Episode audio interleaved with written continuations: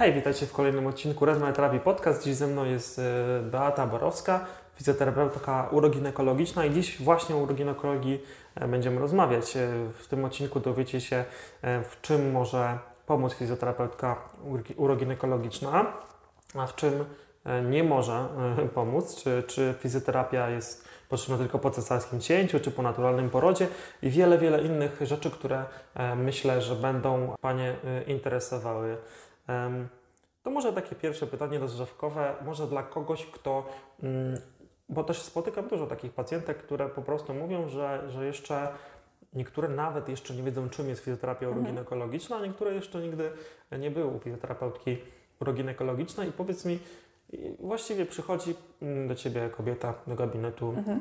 i co się dzieje, co robisz? No to najpierw e, zbieram dokładny wywiad, e, który ma mnie nakierować na to, co się dzieje w tym dniu miednicy, e, jakby w którym kierunku pójdziemy z pracą. No, często to są pytania też dosyć intymne, właśnie czy są bóle w trakcie stosunku, czy jest na przykład problem z osiągnięciem orgazmu, czy są bolesne miesiączki. Mogę pytać nawet o upadki na kość ogonową, to też ma duże znaczenie. E, No i też taki standardowy wywiad fizjoterapeutyczny, czyli czy jest praca siedząca, jak wygląda aktywność fizyczna.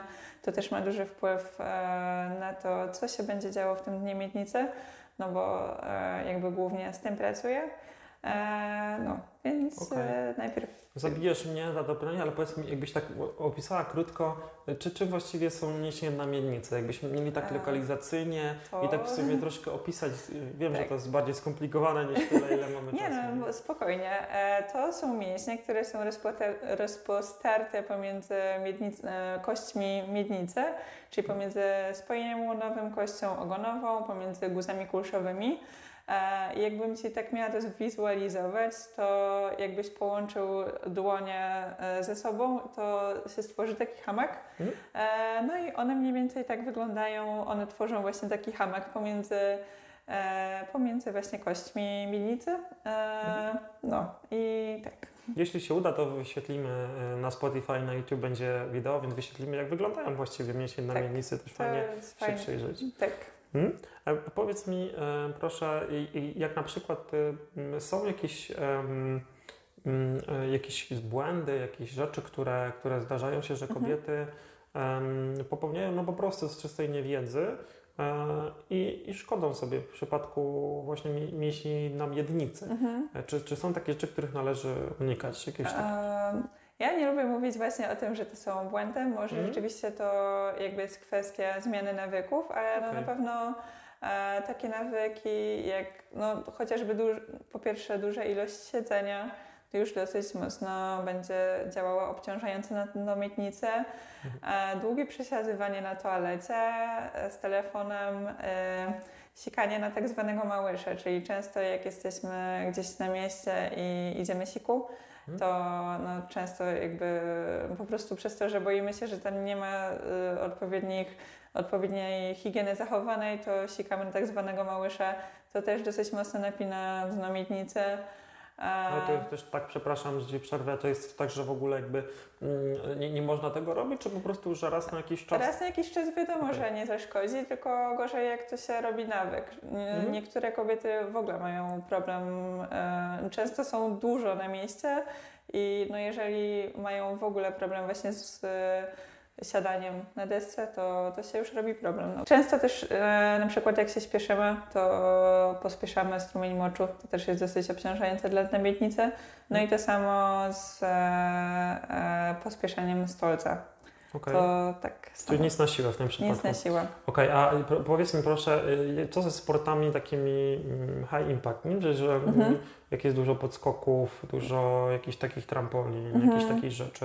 Mm, To rzeczywiście mm, no jest to obciążające ze względu na to, że e, po pierwsze potrzebujemy mieć dobrze wydolne to dno miednicy, żeby nie powstawały e, takie dolegliwości właśnie jak chociażby wysiłkowanie, trzymanie moczu. Więc żeby uprawiać takie sporty, no to trzeba mieć, znaczy do, dobrze jest mieć dobrze ogarnięte to dno miednicy, to znaczy i mieć jego pełną kontrolę i dbać o jego rozluźnienie, bo też potrzebujemy jeżeli mówimy o funkcji dna miednicy, to potrzebujemy też i dobrej fazy skurczu, ale także dobrej fazy rozkurczu i to musi ze sobą współgrać. E, często jednak e, no, mamy jakieś zaburzenia dna miednicy, nawet o których nie wiemy i zaczynamy uprawiać sport typu właśnie trampoliny. E, no i z czasem może być tak, że gdzieś tam zaczną się pojawiać dolegliwości. Właśnie najczęściej, jeżeli chodzi o te takie high impactowe sporty, to najczęstszym chyba jest właśnie wysiłkowanie trzymaniem oczu. Okej, okay, no, a to tak w sumie z innej beczki, jakbyś no. miała na przykład dziecko no. i to kupiłabyś mu do, do ogródka trampoliny? E, tak, no okay. y, jakby... Bo widziałem też strasznie też tym takie, że dzieci nie powinny za dużo na trampolinie i tak dalej, bo to też mocno... No, nie, nie, ja właśnie nie lubię takiej narracji straszenia. Jakby jak dziecko ma z tego fan, no wiadomo, że nie skoczę 10, no dobra, jak będzie skarkało 10 godzin dziennie, to warto jednak y, zasugerować mu odpoczynek, mhm. ale no jakby wiadomo, że te dzieci raczej nie skaczą na tym 10 godzin dziennie, a też nie zabierajmy im fanów z życia, mhm. a, więc nie straszmy. Nie straszmy Ogólnie tak, właśnie no. dzieci i też w sumie kobiety, też w sumie straszenia pacjentów też jest taki dość ciekawy temat, no. bo, bo ciągle trafiam na jakieś rzeczy, nie rób tego, mhm. nie rób tego, to jest zły ruch. I na przykład jedną z takich rzeczy, które, y, którymi też Ty się mhm. zajmujesz, czyli e, na przykład po ciąży rozejście mięśni prostych brzucha, mhm. e, też pod kątem mm, robienia brzuszków na przykład. Mhm. Nie? że, że, że no, że, że, że nie można robić brzuszków, bo no. to po prostu powoduje rozejście mięśnia prostego brzucha. Może tak w skrócie jeszcze tylko opisz, czym jest to rozejście? To I... jest oddalenie od siebie właśnie brzuszców e, mięśnia prostego brzucha. Czyli tego kaloryfera. E, tak, tego tak zwanego kaloryfera, co w ciąży jest naturalnym zjawiskiem, no bo to dziecko musi się gdzieś zmieścić. Mhm. E, I to też nie jest tak, że jeżeli gdzieś tam po ciąży Mamy jeszcze rozejście e, właśnie tych brzuszców mięśnia prostego brzucha. One są od siebie oddalone. To też nie oznacza, że ten brzuch nie pracuje, tylko po prostu one są od siebie oddalone, ale brzuch pracuje, one się jeszcze nie zeszły. Okay. Może być tak, że się nie do końca zejdą, ale jeżeli funkcje mięśni brzucha są zachowane, on spełnia właśnie e, no, swoją funkcję, to wszystko jest ok. Mhm, Okej, okay, czyli, czyli nie straszymy pacjentów, nie możecie robić brzuszki i po prostu tylko Skonsultujcie pewne tak, rzeczy. Tak, skonsultujcie przede wszystkim właśnie jak pracuje brzuch, jak pracuje aparat ruchu, żeby zobaczyć, czy rzeczywiście na początku może lepiej wykonywać inne ćwiczenia, a, z czasem, jeżeli lubicie te brzuszki, to, to z czasem, jeżeli właśnie ten brzuch będzie pracował już ok, to brzuszki y, spoko.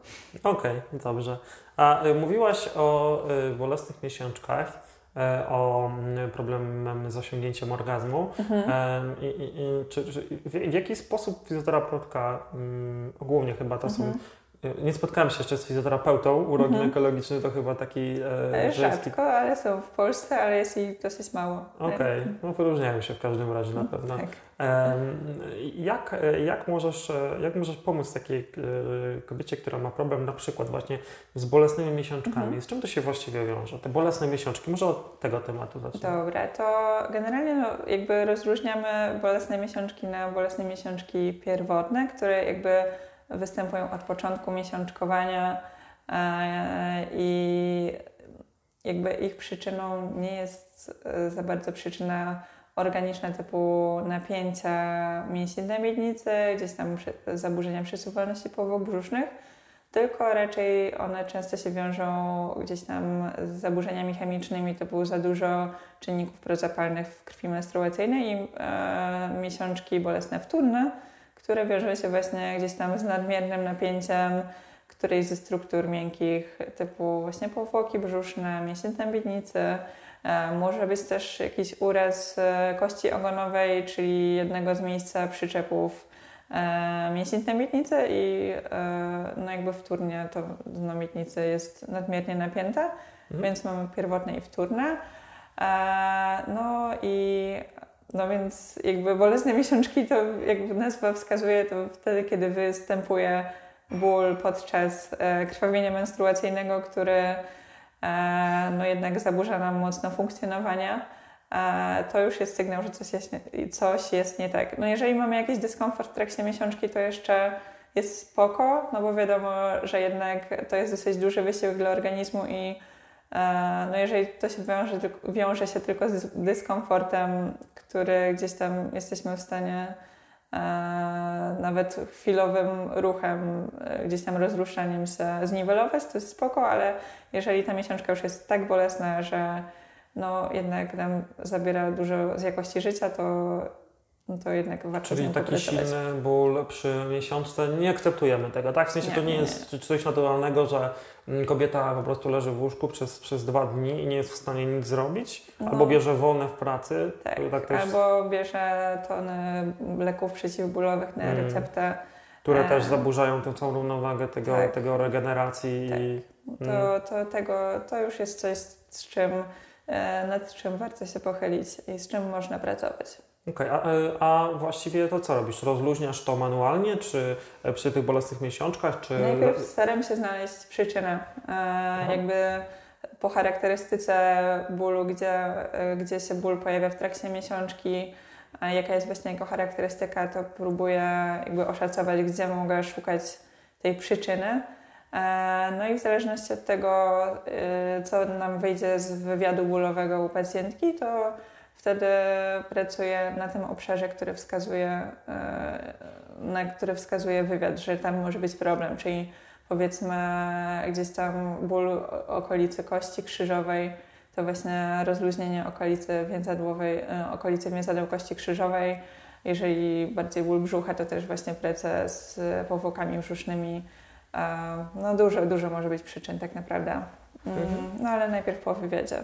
No patrzymy. tak, no bo też nie da się to tak y, dokładnie na to odpowiedzieć, bo no każdy no, jest bardzo indywidualną tak. jednostką i, i te problemy mogą być naprawdę różnie, tak. różne. Mm, okej, okay. a powiedz mi proszę, y, y, myślę, że tam świadomość na temat tego, że e, po cestarskim cięciu mm, warto się blizną, która, mhm. która tworzy się po, po, tej, po tym zabiegu operacji, po, no, po operacji, po operacji tak. cesarskiego mhm. cięcia, E, warto się nią zająć. Mhm. Chociaż e, zdarza się, że no wysyłam do Ciebie pacjentów, mhm. E, pacjentki, które, które jeszcze tego na przykład nie wiedzą, ale też spotykam takie w gabinecie, chociaż na szczęście to już jest rzadkość. Mm, powiedz mi, co, co, co mm, jest takiego kluczowego przy, przy tej bliźnie cesarskim cięciu? Jakby, mm, tak powiedzmy, mhm. momenty po porodzie, takie najbliższe, nie? Takie... Mm, co jest kluczowe, żeby jak najwcześniej w sumie zająć się tą blizną. Nawet e, no, tak naprawdę dobrze jest pójść jeszcze przed porodem do fizjoterapeutki, żeby wiedzieć, żeby terapeutka pokazała, co robić już w tych pierwszych dniach po okay. operacji, bo można pracować naokoło e, z okolicą tej blizny, żeby jak najlepiej dokrwić te tkanki żeby było, no bo chodzi o to, że w pierwszym okresie po, po tej operacji e, jest duże ryzyko już powstawania wzrostów, właśnie ten pierwszy okres, kiedy jeszcze nie trafiamy do gabinetu, mhm. więc dobrze jest pójść przed porodem, żeby wiedzieć, co robić e, e, ze swoim ciałem, mhm. żeby po prostu było jak najmniejsze ryzyko powstania wzrostów. E, no i później, no tak powiedzmy, no około 3-4 tygodni, kiedy już ta blizna jest zagojona, Wtedy uda się do fizjo, e, do gabinetu, no i, e, no i wtedy fizjoterapeutka sprawdza stan tej blizny, przesuwalność powłok. No generalnie sprawdzamy w ogóle, jak wygląda postawa ciała, bo to też ma ogromny wpływ na regenerację e, blizny, więc, mhm. więc zarówno i przed porodem, żeby się dowiedzieć, co robić w pierwszych dniach, no i później, później właśnie te 3-4 tygodnie po. No, to akurat się zapytam o właśnie taką rzecz, jakby, mhm. jakbyś miała wytłumaczyć na przykład, a może to nieprawda, może no. się mylę, y, mm, jakbyś miała wytłumaczyć pacjentce, bo miałam kiedyś taką pacjentkę, dlaczego e, po cesarskim cięciu, gdy ona jest, szczególnie ta blizna jest zaniedbana, ta pacjentka akurat przez dwa lata nic nie robiła z e, e, tą blizną, włącznie z mm, nawet takim nieprzesadnym dotykaniem jej, no bo to też jest dość częste, że kobiety raczej tak umijają to miejsce. Tak. Mm, i co właściwie byś powiedziała, na przykład, gdy kobieta przychodzi z niedbaną blizną i z bólem pleców? Czy mhm. Mm, na ile jesteśmy w stanie mm, przy jakichś też problemach z postawą, też e, przy ciążeniach połączyć e, te, te, te, dwa, te dwie, kwestie, dwie, kwestie? Generalnie no to wtedy staram się zwizualizować pacjentce, że też jesteśmy no jakby jesteśmy e, systemem naczyń połączonych. Mamy bliznę, która powoduje ograniczenie ruchomości tkanek e, i też zaburzenia pracy powięzi, a powięź to jest taka tkanka, która jakby jest takim stelażem ciała. E, to jak najbardziej może to mieć wpływ na pracę pleców, bo jeżeli na przykład mamy dużo większe napięcie z przodu, to jakby to napięcie z tyłu to, tak samo jest podwyższone, no bo jakby, tak, jest kompensacja dokładnie.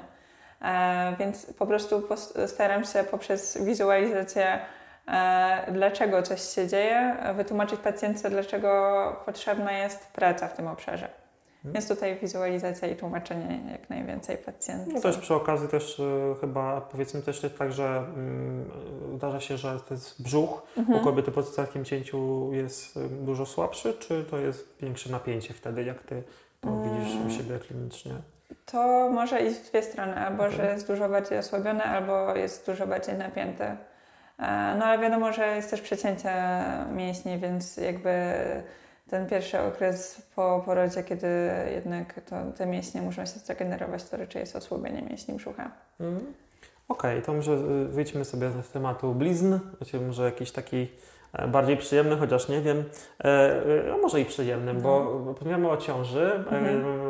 Kiedy kobieta mhm. może, może pracować z fizjoterapeutką uroginekologiczną w trakcie ciąży? Czy są jakieś momenty, w którym raczej nie chcemy pracować, czy mm, jak, to, jak to wygląda powiedz? Znaczy, no mówi się, że dla bezpieczeństwa w tym pierwszym trymestrze e, większość terapeutów nie pracuje, no bo jest wtedy jeszcze trochę ryzyko, znaczy może być ryzyko poronienia, chociaż mówi się o tym, że my jako fizjoterapeuci raczej nie mamy szansy wywołać poronienia. Mm. E, no tylko, że właśnie no jakby ta, e, ta opinia o tym, że ten pierwszy trymestr raczej nie, no to to jest dla też bezpieczeństwa fizjoterapeuty. No bo jak ale... coś się stanie, stanie, to trudno się pewnie będzie trochę wybronić, obronić. No. Tak, ale e, jakby mówi się o tym, że raczej technikami, którymi pracujemy w ciąży nie jesteśmy w stanie wywołać ale generalnie, no jeżeli w pierwszym trymestrze się nic nie dzieje, to bym przyszła